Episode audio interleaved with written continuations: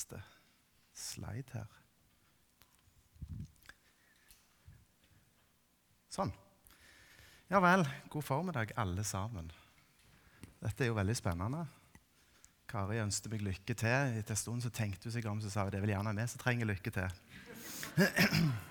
vi er i en byggeprosess. Vi snakker om ei bok som heter Nehemja. Og det handler om en person, og det handler om et byggeprosjekt, og, og det handler om Gud. Nehemia han ble jo kalt til å reise til Jerusalem og bygge opp muren. Jeg har funnet bilder fra hvordan den muren på den tida cirka så ut. Hvis, bare sånn det er litt med, og hvordan, Et bilde fra dagens tid på hvordan den muren eh, ser ut. Eh, og dette her, det skal være litt sånn, komme litt igjen i det som jeg skal si i dag. Det håper jeg at det er en rød tråd. Gud han hadde en plan for Nehemja.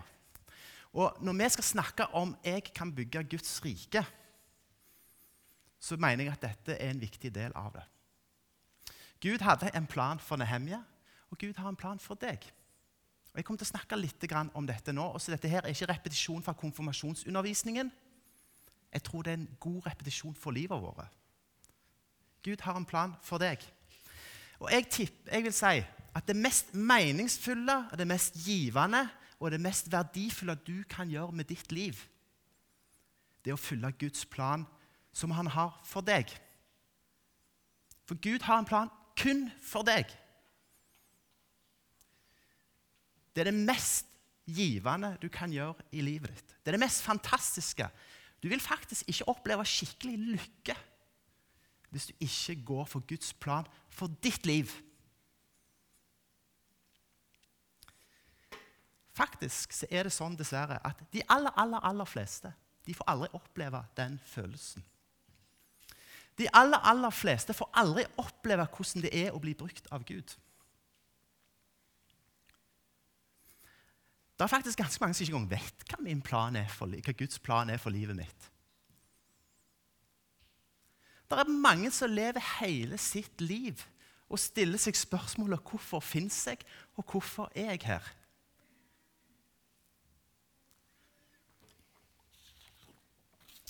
Det er en kar som heter Mark Twain, som sa noe Jeg syns dette er fantastisk. Bare få med dere dette her. De to viktigste i dagene i livet ditt Vet du hva det er, sier han. Selvfølgelig den dagen du ble født. Det er jo en major sak egentlig at du ble født. Og den andre dagen mener han, det er den dagen du fant ut hvorfor du ble født. Det er de to aller viktigste dagene i livet ditt. Og jeg sier litt av det her, for Gud har planlagt deg, han har skapt deg, og han har en hensikt for akkurat ditt liv. Men det skjer ikke automatisk at du lever i den planen. Det må du velge. Du er nødt til å velge Guds plan for ditt liv. Og faktum er at Hvis du velger å ikke gå for det, så er det ingen andre som vil gjøre det. Alle har fått en plan, alle har sine planer. Men hvis ikke du gjør det du er satt her til å gjøre, så vil ingen andre gjøre det. Jeg, ta, jeg, har veldig mye. I dag må dere være tålmodige med meg, for jeg har masse på hjertet. Og Jeg kommer til å kjøre på i dag, men jeg har to-tre ting i forhold til hvordan kan vi komme inn på dette med Guds plan for mitt liv. Hvordan gjorde Nehemja det, og hvordan kan vi gjøre det? Jeg skal ta opp tre punkter. Det første varer ganske lenge. De to andre varer ikke så lenge. Men det handler om hvordan kan du med ditt liv bli velsigna og brukt av Gud. Og Hvis du er tålmodig med meg, så håper jeg kanskje at dette kan bli et vendepunkt i livet ditt. Det kan bli et før og et etter i dag. Første punkt det er at vi må ha rett fokus. Vi må ha rett fokus i livet vårt. Og Vi vet i dag i 2020 at det er ganske mange ting som kjemper om vår oppmerksomhet. Denne talen er forresten like mye til meg sjøl. Vi må ha rett fokus. Det er sikkert tusen ting. Jeg kunne lagd ei lang liste fra det ene til det andre. Men jeg har konsentrert meg om noen få sånne fellesnevnere som jeg tror kan kanskje gjelde alle sammen. I forhold til hva som kan ta vårt fokus bort ifra hva Guds plan er med mitt liv. Og hva Guds plan er med ditt liv. Den ene og en stor ting det er at veldig mange av oss har et ønske om å bli rike. Og jeg kan si det, Hvis du gjør det til det viktigste målet i livet ditt, så bommer du. Hvis du, Det er ikke noe galt å, tjene penger. Men hvis du gjør det til det eneste og viktigste liv, målet i livet ditt, som din plan, så bommer du. Bibelen og Gud sier helt klart du kan ikke tjene både Gud og mammon. Det er ikke mulig. Hvis du ønsker å leve Guds plan med ditt liv, ønsker det fantastiske, den største lykken du kan ha, så kan du ikke ha ønske om å bli rik som det viktigste målet i livet ditt. Da bommer du. Hvis du tenker at jeg skal bare tjene masse penger i mitt liv, så skal jeg pensjonere meg, da bommer du. Da går du glipp av det store. Hvis du tenker at målet ditt er hus, båt, hytte, bil, hva, telefoner, iPader alle ting. Klær. Hvis du lar det være det viktigste målet i livet ditt, så bommer du. Du kan ikke tjene både Gud og mammon. Og Gud han har ikke satt deg her for at du skal bli rik. Han har ikke satt deg her for at du skal tjene masse penger. Han har ikke satt deg her for at du skal pensjonere deg. Det var en stor ting. La ikke kjærligheten til penger styre livet, men nøy dere med det dere har. For Gud har sagt 'Jeg svikter deg ikke', sier han. Og 'jeg forlater deg ikke'. Ja Ha rett fokus i livet. Et annet stort punkt er det at vi må Altså, Vi har et problem som tar, oss, tar fokus vekk fra å følge Guds plan. Og det er dette her at vi henger igjen i fortida. Og Bibelen sier faktisk at det er ei felle. Det er bortkasta tid. Det er helt meningsløst å holde igjen på alle ting vi ikke har fått til, på ting vi ikke har fiksa, ting som har gått gale. Og vi, altså, vi banker oss sjøl opp og straffer oss sjøl. Så hver gang vi blir utfordra på nye ting, så går vi alltid med de gamle erfaringene og tenker ja, jeg vet ikke om det er dette Gud vil at jeg skal gjøre. Gud sier det der er bortkasta tid. Glem det. Vi er nødt for å legge ting bak oss. Vi er nødt for å tilgi og gå videre. Jesus sa dere må omvende dere. Fra fortida til framtida. Vi som er småbarnsforeldre, vet Når ungene får en ny sang, så går den om igjen om igjen, om igjen, om igjen på både Spotify og det ene og det andre. Og Hjemme hos oss så har i hvert fall Malin blitt veldig gira på en Frost-sang som heter Let It Go. Har dere hørt den? Let it go, let it go. Går om igjen, om igjen, om igjen. Og dette det er det ene etter det andre. La det gå, sier Gud. Legg det bak deg. Gå videre. Skift fokus. I ordspråkene så står det Ha øynene retta framover og fest blikket på det som ligger foran. står der. Vi kan ikke ha et ønske om å bli rik. Vi må legge fortida bak oss. En annen stor ting som hindrer oss i å fylle Guds plan for mitt liv og for ditt liv, det er faktisk at vi er veldig redde for hva andre folk skal tro. Sånn er det iallfall for meg. Vi er veldig redde for hva andre folk skal tenke om oss. Og det er òg bortkasta tid. For det faktum er at Når du er redd for hva andre skal tro om deg og i ditt liv, da begynner du å sammenligne deg med andre. Og Hvis det er noe som virkelig er gift for våre tanker, så er det når vi begynner å sammenligne oss med andre.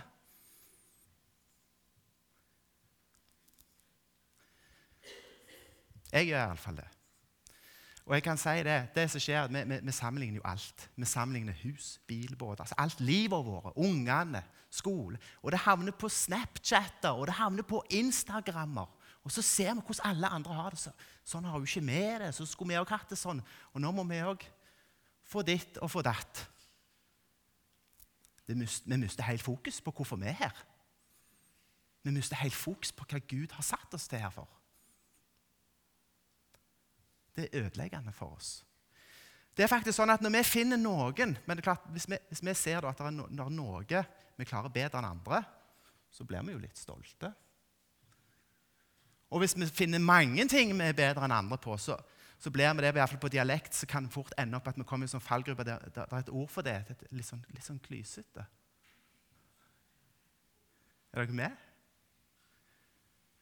Men hvis vi finner noe som vi er, vi er bedre enn andre på, når disse andre er bedre enn oss på, så blir vi litt sånn mismodige. Se hvor bra de får det til. Og faktisk blir vi litt misunnelige. Gud sier, 'Ikke gjør det.' Hør. Gud har ikke skapt kopier. Gud har bare skapt unikummer. Gud han, han, vil ikke at du skal sammenligne med andre og være like andre. Gud vil ikke at, skal, at, du skal fokusere på hva, andre, hva Gud gjør i andres liv. Da mister du det Gud har for deg. Du mister fokuset. Det er faktisk òg gode ting som gjør at vi kan miste fokus på hva Guds plan er for vårt liv. Hobbyer. Jeg har mange hobbyer. Jeg har sikkert 1000 hobbyer. Og hvis jeg blir skikkelig gira på en hobby, så kan jeg gå absolutt all in. Og, jeg, og Det er ikke noe galt med hobbyer. Jeg kan bruke masse tid på hobbyer, Men det er ikke det Gud har satt meg her til å holde på med. Det er ikke den planen Gud har for mitt liv. Og det er ikke den planen Gud har for ditt liv. Sport. Jeg sier sånn, Det er ingenting galt med sport så lenge du heier på Manchester United. Og Ulf Sandnes. Nei, men dere skjønner, det kan spore oss av. Hyttelivet. Hopp, campinglivet. Jobben vår. Og Dessverre så er det faktisk også litt sånn i kristne sammenheng at det er noen som bare bruker hele tida si på å gå på møter. Det er ikke noe galt med møter, men selv gode ting kan spore oss av for hva Gud har for våre liv. Dere får forstå meg rett på dette. Men siste poenget på hva som kan ødelegge fokuset vi har, med det å ha rett fokus på hva Gud vil med vårt liv, det er et av de største poengene. Et av de som hindrer oss aller mest for at vi skal fylle Guds plan med våre liv. Vet dere hva det er? Det er våre planer. Det er mine planer. Det er dine planer. Det er mine drømmer, mine ønsker, mine ambisjoner, mine mål. Disse tingene her tenker vi at hvis vi bare får gjort alt dette her, så blir vi lykkelige. Jeg tror vi kan ha et veldig bra liv. jeg. Men Det fins et engelsk ord jeg, jeg, er ikke så veldig god på engelsk, men det er et ord, et ord som heter 'fulfilled'. Det finnes ikke et godt ord på norsk på det.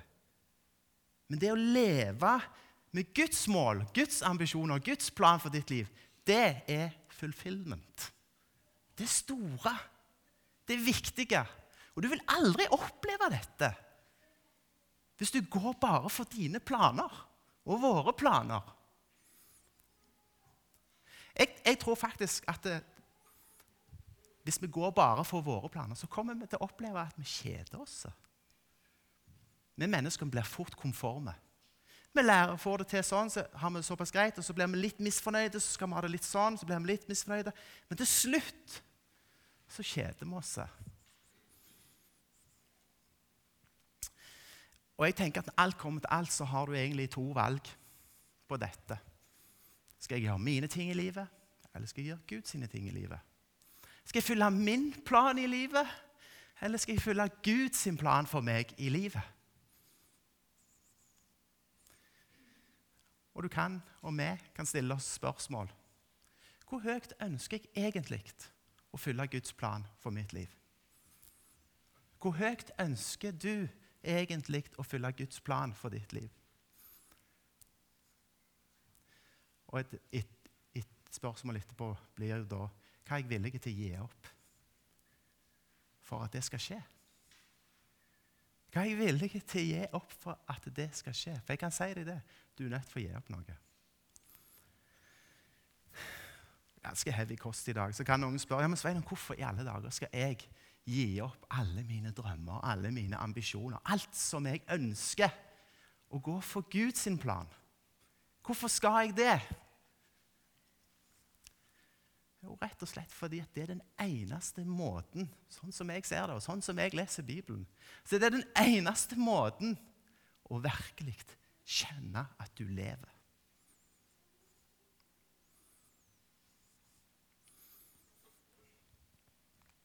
Jesus sier dette her. Det er kjempeviktig. Han sier om noen sier han, vil følge min plan Hvis noen vil følge etter meg, så må han fornekte seg sjøl, ta sitt kors opp og følge meg. For den som vil berge sitt liv, han skal faktisk miste det. Men den som mister sitt liv for min skyld, og for evangeliets skyld, han skal berge det. Det er den eneste måten å virkelig leve. Det var punkt én. Punkt to Du må velge Guds plan for livet ditt. Det er ikke noe som skjer automatisk. Det er et valg du må ta. Vi har satt et spørsmål som, er, som Kan jeg bygge Guds rike? har vi har vært i høst. Ikke sant? Som et tema. Jeg har lyst til å vri det litt i dag. Kan du la være å være med? Eller vil du virkelig ikke være med og bygge Guds rike? Og jeg tror dette med å velge Guds plan for livet det er så enkelt som å begynne med enkelt å si at vet du hva, Gud, mer enn noe annet så ønsker jeg å leve mitt liv etter din plan. Mer enn noe annet. Det kan du gjøre. Og jeg tenker at Den dagen du velger å gjøre det, og den dagen du sier det, den dagen du velger Guds plan i ditt liv, så skal du opp, kommer du til å oppleve en ting. Det som før var viktig for deg, blir ikke lenger viktig. Du vil oppleve at det Gud sier er viktig, det vil være viktig for deg. Og du vil oppleve at det Gud prioriterer, det vil du prioritere.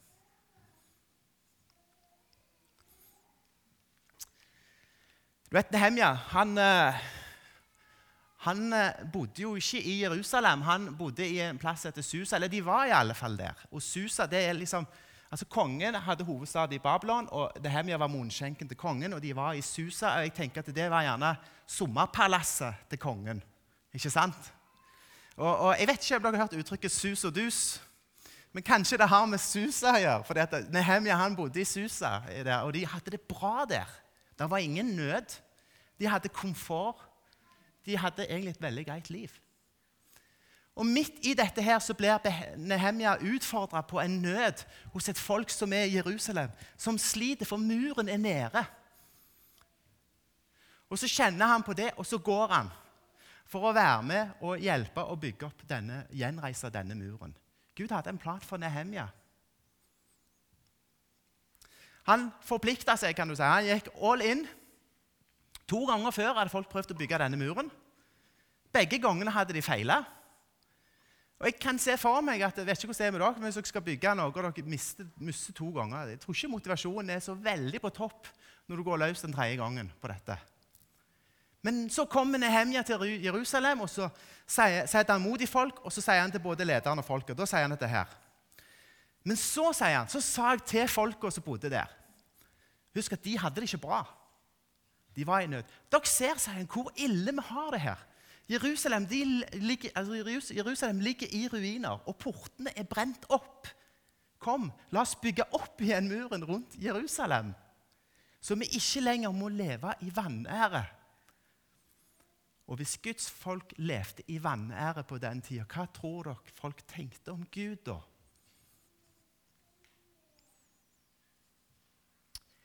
Og Jeg fortalte de, sier Nehemia, og hvordan Gud hadde holdt sin gode hånd over meg. Hva kongen hadde sagt til meg. Og så sa de da Vet du hva? Dette, her, dette er ikke din plan, Nehemia. Dette er Guds plan. Kom igjen, la oss gå i gang og bygge. Og så tok de fatt på det gode verket. Og de brukte 52 dager på å bygge opp igjen den muren. Noe som de ikke hadde klart på de siste 90 åra. Og hvordan gikk det an? Hvordan i alle dager klarte de å gjenreise en mur på 52 dager? Vet du hva? De holdt fokuset, og de forplikta seg på Guds plan for deres liv. De forplikta seg til dette byggeprosjektet. De gikk all in.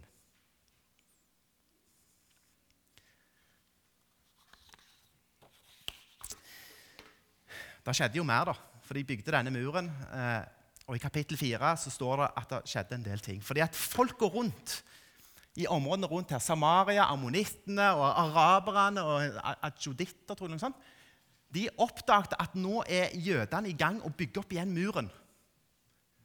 Og så står det at de ble sinte, og de spotta jødene.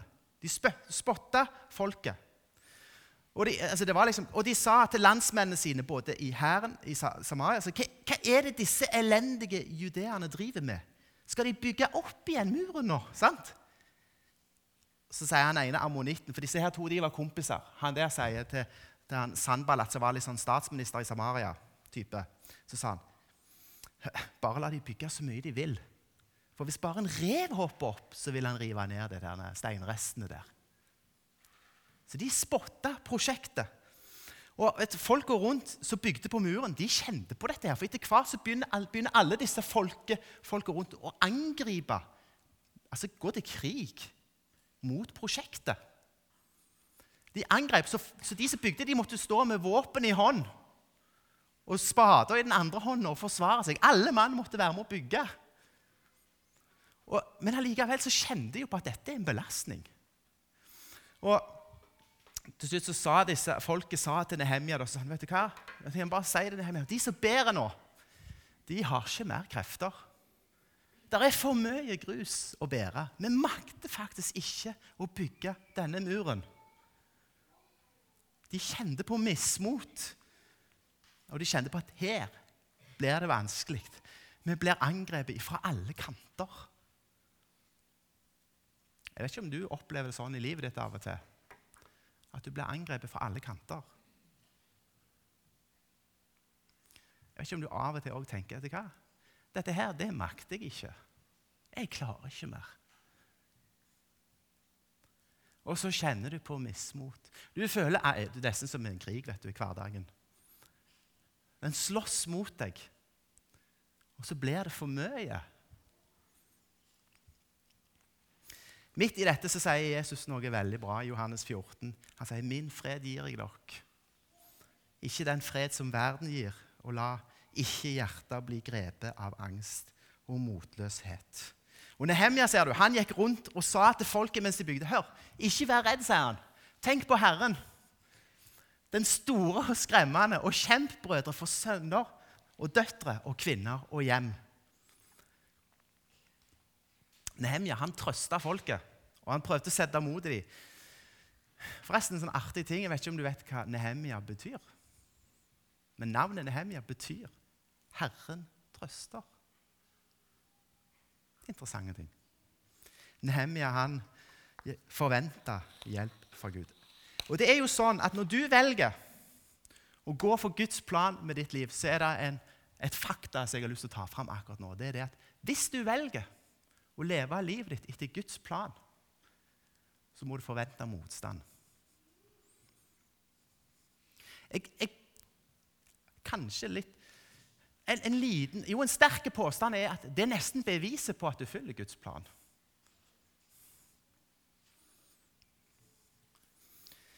Og det er jo faktisk sånn, nesten sånn Hvis du sier skal vi gjøre noe nå, la oss gjøre dette, så er det alltid noen som vil si nei, det må vi ikke gjøre.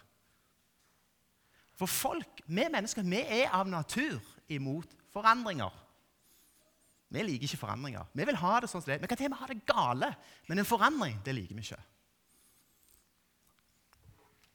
Paulus han hadde virkelig uh, sett noe interessant. og Han hadde masse planer, og han skriver om en plan i, i, i 1. Korinterbrev kapittel 16. Så skriver han så sier han sånn, I Efesus blir jeg til pinse, sier han. Her er jeg nødt til å være til pinse.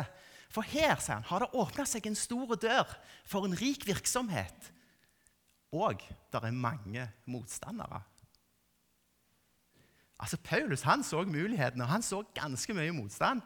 Men det virka ikke som det skremte han.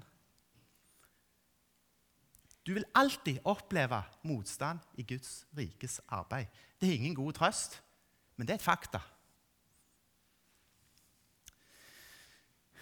En liten, eh, liten, liten ting. Vi skal jo til et nytt bygg. Og altså, Der blir det jo masse forandringer. Altså, Det må jo bli mange forandringer i det nye bygget. Ikke nok med det, altså, det er bare mer dører, rent fysisk. Ikke sant? Men det blir jo òg mange nye muligheter som vil åpnes for oss. Og da, da tenker jeg sånn, Her må vi bli iallfall til pinse. sant? For det har kommet mange dører for en rik virksomhet. Men det vil være motstand. Og jeg tenker jo sånn, jeg, jeg tipper jo at i denne stunden så blir det gjort veldig mange prioriteringer i alle komiteene på det nye bygget. på hva vi må kutte ned på, hva skal vi bruke penger på. Og det handler om ønsker om behov og mange spørsmål rundt dette her. Og jeg tror at en del spørsmål som stilles, og som også stilles til oss, det er hva er vi villige til å gi opp av våre ønsker og våre behov for at Guds plan for misjonssalen skal gå fram? Skal vi stå i veien for det? Er det jeg som skal ha alle mine ønsker oppfylt? Eller skal vi gå for Guds plan og det han ønsker for dette? For dette her, det er gudfeldig. Seriøst. Vi har fått prime eiendom i Sandnes. Et enormt prosjekt. Nå bruker vi nå rett litt mer enn 52 dager på dette, her, men i dagens tid så er det ganske bra. Og vet du hva? Vi må tørre å stille oss sjøl spørsmåla. Hvorfor gjør jeg det jeg gjør? Hvorfor skal vi gjøre det vi gjør i misjonssalen? Og vi må også stille spørsmål skal vi drive dette arbeidet på samme måte som vi har gjort her i Langgata. Når vi kommer der. Eller skal vi være åpne for nye dører og nye muligheter? Og så må vi faktisk, hver en av oss som er medlemmer, stille oss spørsmål hva er jeg villig til å ofre. Hva er jeg villig til å gi opp for at dette skal gjennomføres? Tida mi? Pengene mine? Komforten min? Mine planer?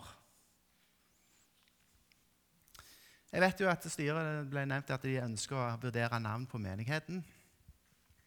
Og Jeg tror faktisk ikke at dette skjer bare fordi nå, nå skal vi ha det litt, nå må vi lage litt støy her. La oss vurdere navnet på misjonssalen. Jeg tror ikke styret velger å gjøre dette for forandringen sin skyld. Men det er om det kan åpne seg nye dører. Vil det være nye muligheter med å se på akkurat dette? Misja vet, Jeg har vokst opp i misjonssalen.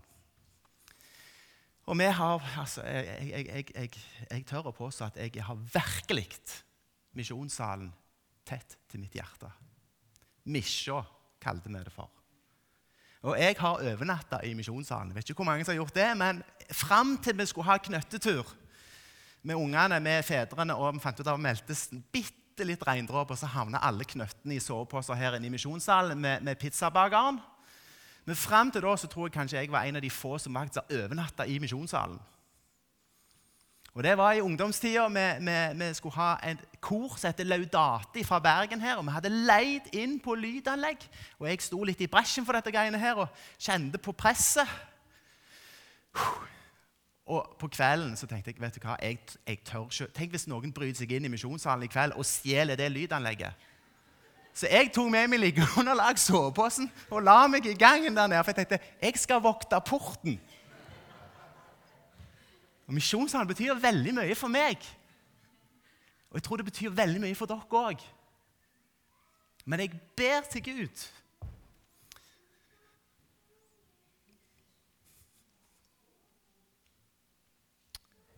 om at jeg ikke står i veien for hans plan for misjonssalen.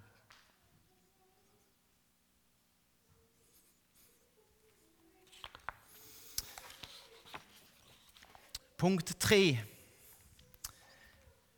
dette med å ha Hvis du ønsker å følge Guds plan for ditt liv Den som han har for bare deg. Du må ha rett fokus. Du må velge å gå for dette. Men det beste du kan forvente hjelp av Gud.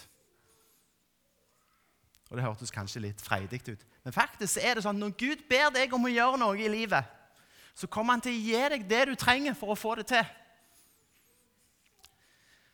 Du kan forvente det, du kan regne med det.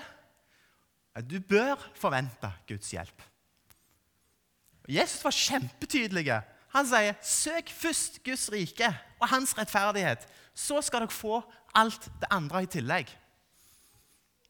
Ikke fokuser på våre behov, ikke fokuser på dine behov. Fokuser på hva Gud vil med ditt liv. Hvorfor skal du gjøre det? Jo, det skal du gjøre fordi at hvis du gjør det først, så vil Gud ta seg av dine behov. Og Gud vil jeg tro er ganske god på akkurat det. Han kjenner jo oss mer enn noen andre. Og Gud, han holder sine løfter. Gud, han sa til Jeremia Overalt hvor jeg sender deg, sier han, så skal du gå. Og alt jeg befaler deg, det skal du si. Det er min plan for deg, Jeremia. Og vær ikke redd for den, for jeg er med deg, og jeg skal berge deg. Og det sier Gud til deg òg. Og det er masse løfter, og jeg tenkte at nå skal ikke jeg eh, nevne alle disse løftene, men vi skal ta en bitte liten pause. For Istedenfor at jeg står her og snakker om løftene, så har jeg fått med meg Inger Lise, som vil synge en sang som handler om akkurat dette.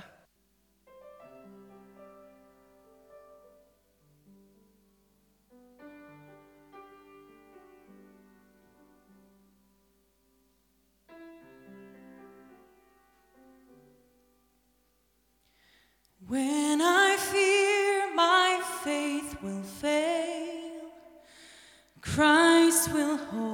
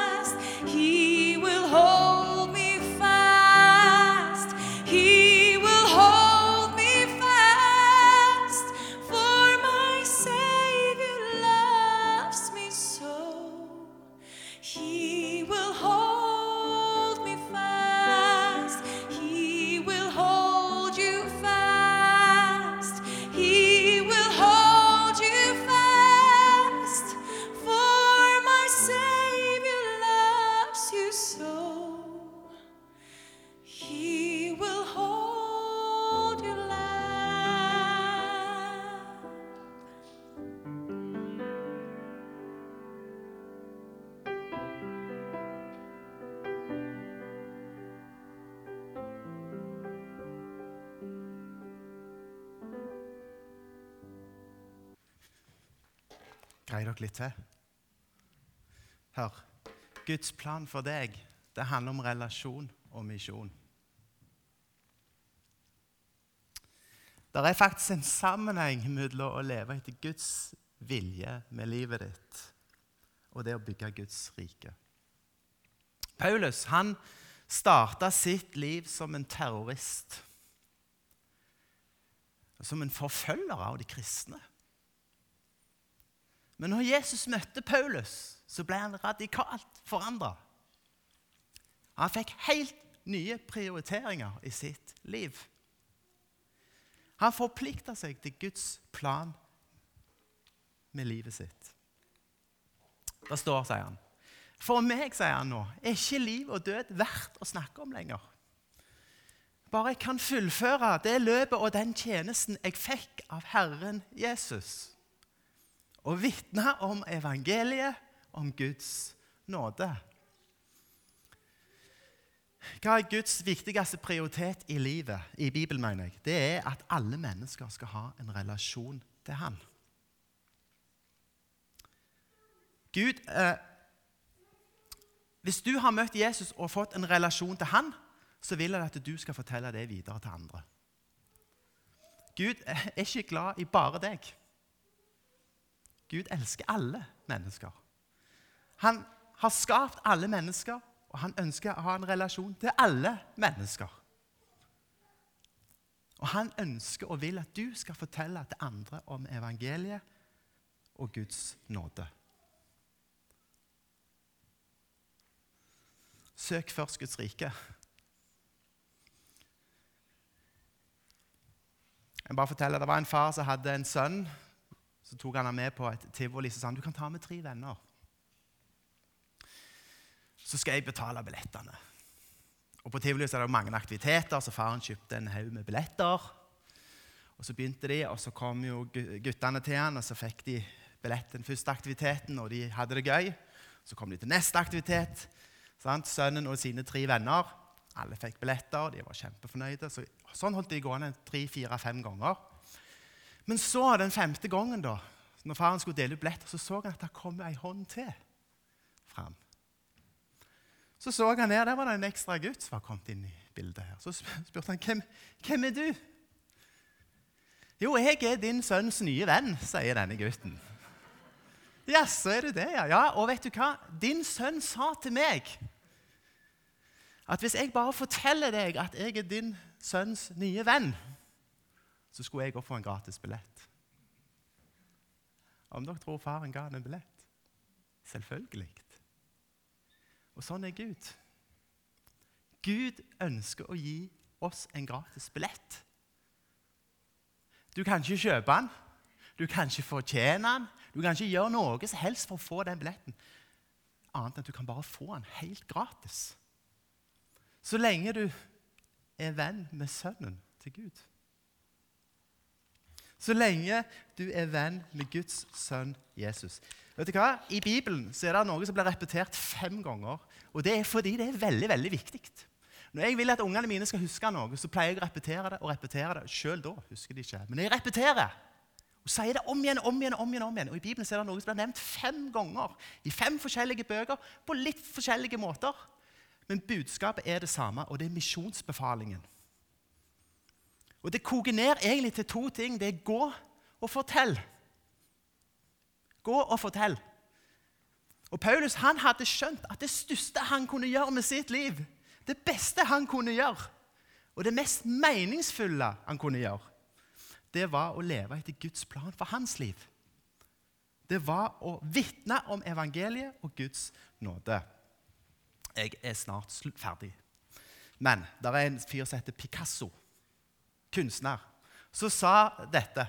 Meningen med livet det er å finne gaven din. Og målet for livet ditt det er å gi den videre til andre. Det er jo en artig quote. Jesus traff ei kvinne utføre en brønn. Eh, med en brønn utfører en by som heter Syker. Og Så går han til denne kvinnen, en samaritansk kvinne, og så sier han, kan du gi meg noe å drikke. Og så reagerer hun og sier ja, men herlighet, hvordan kan du som er jøde, be meg, en samaritansk kvinne, om å få vann? Og Det var ikke mye likestilling på den tida, for dette her var helt uhørt. Så svarer Jesus henne, så sier han det. Hør, hvis du kjente Guds gave, og visste du hvem det er som ber deg om å drikke, da hadde du bedt ham, og han hadde gitt deg levende vann. Og I dette møtet så vet vi at Jesus ble åpenbart for henne. Vi vet at hun fikk møte Jesus. Jesus så hele livet hennes, og Jesus møtte henne med nåde. Og hva du gjør? Jo, Hun har fått nådens gave. Hun tar imot den. Og det første hun gjør, det er å gå spring inn til byen for å gi den videre til andre.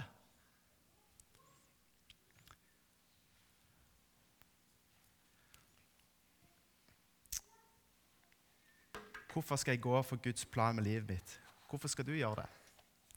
Jo, for det er den eneste måten å virkelig kjenne at du lever. Livet er som et løp. Vet ikke om dere kjenner igjen den tunnelen? Det er jo verdens lengste undersjøiske tunnel. Og Før de åpna den, så fant de ut at må, noen av oss må springe gjennom den tunnelen. Og nå, Jeg var ikke der, det kan jeg si. Det er sjelden jeg går så fort at jeg har begge beina i lufta på en gang. altså definisjon for løping. Men jeg vet at det var flere her som var med på akkurat det løpet i Ryfast. Eh, og Det var et halvmaraton, og jeg eh, fikk bare høre etterpå altså Du springer jo ned til Norges laveste punkt. Og så er det motbakke til du kommer ut til Solbakk.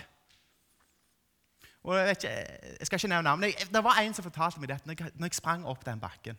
Og når jeg kom til og begynte å se lyset i enden av tunnelen, da begynte jeg gjerne å imaginere meg eller forstå hvordan det må være å komme til himmelen. Ikke sant? Det var et heftig løp. Og jeg tenker sånn at kristelivet og vårt liv det er litt som et maratonløp. Eller som et løp. Der er en start, og der er en slutt. Kristelivet det er et løp som du må springe. Det er du som må gjøre det. Alle må faktisk springe det løpet. Livets løp, livets maraton. Og du kan ikke satse på så veldig mange andre i det løpet der. Det er ditt løp. Ja, du kan springe sammen med noen. Det vil gjøre det enklere. Men det løpet er ditt. Og Gud, han vet at det er ditt løp alene som du må springe. Det er ikke ektefellen din, det er ikke familien din, det er ikke menigheten din. Det nytter ikke å komme på slutten av livet og si 'Se, Gud, se på mitt liv'. Misjonssalen sprang knallbra. Nei, Gud kom til å spørre hvordan sprang du ditt liv. Hvordan gikk det med ditt løp?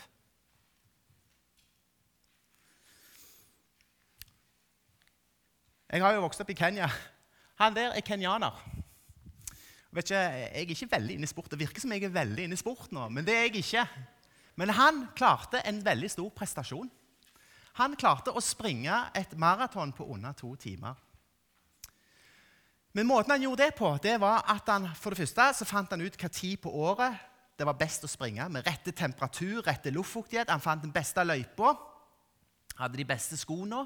Så fikk han med seg verdens beste løpere. Her ser du både Henrik, Jakob og Philip Ingebrigtsen, som skulle springe foran og ta opp mot luftmotstand til denne løperen.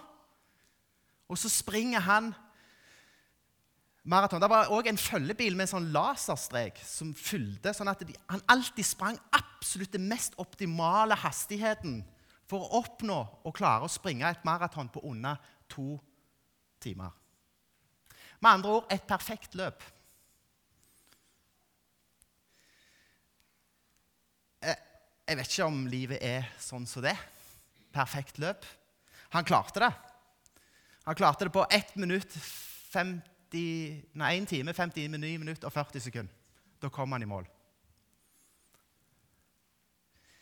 Men da var alle forholdene perfekte. Og faktum er at livet er jo ikke perfekt. På ingen måte er livet perfekt. Av og til så får vi gnagsår, av og til så er det motbakke, av og til er det hagl.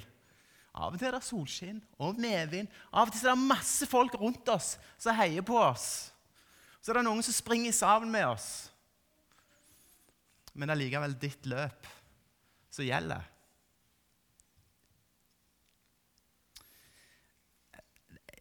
Dette her neste bildet er jo helt fantastisk. Få se hva som skjer når han kommer over målstreken. Han møter kona si. Det er ikke ofte kona står sånn når jeg kommer hjem fra jobb. Men uh, her, her, her, kommer han hjem. Og klart, den, den største bragden i sitt liv. Så kommer han over målstreken, og så, så møter han kona. Og vet dere hva hun heter? Hun heter Grace. Hæ? Er ikke fantastisk? Når vi kommer i mål med vårt liv, så står Jesus der med grace.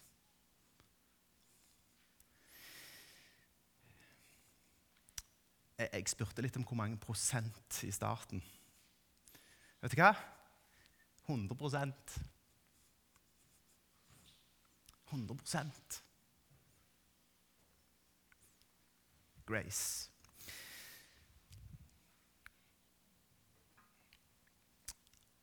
Siste bibelvers skriver Paulus. For de svake er jeg blitt svak.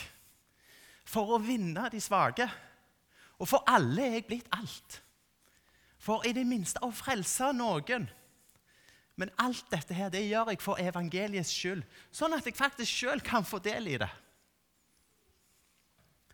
Vet dere ikke at de som er med i et løp på idrettsbanen, de springer alle sammen, men det er bare én som vinner seiersprisen?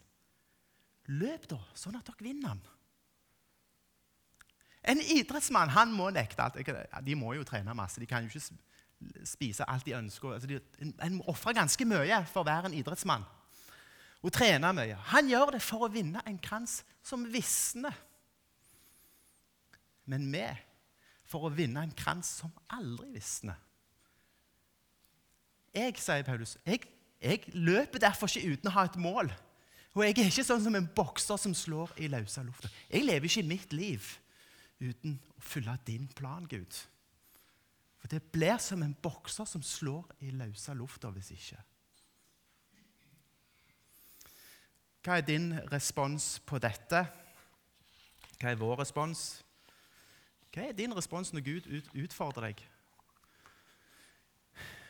på, på hans plan for ditt liv? Jeg håper dette kan være et vendepunkt. Hva er din respons på dette? Du kan jo svare sånn som Moses svarte. Hvem Gud skal jeg gå? Eller du kan svare sånn som Jonas sa. Nei, Gud, ikke send meg. Eller du kan svare sånn som Jesajas svarte. Han sa, 'Her er jeg', sa han. 'Send meg'. Her er jeg, send meg. Det kan være din respons på dette. Vi skal be. Kjære, gode far. Vend blikket mitt bort fra tomhet. Gi meg liv på din vei. La ditt ord til din tjener stå fast så jeg kan frykte deg. Jeg ber Jesus om at dette livet det må være til din ære alene. Hjelp oss å holde blikket og målet på deg. Amen.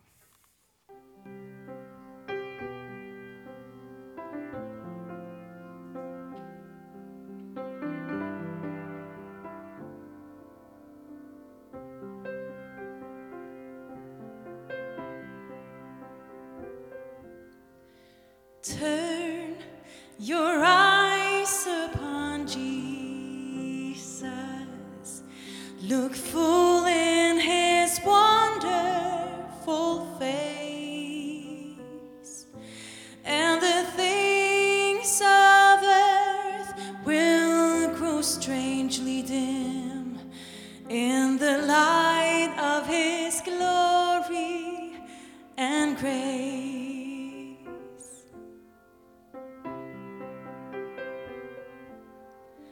Turn your eyes to the hillside where justice and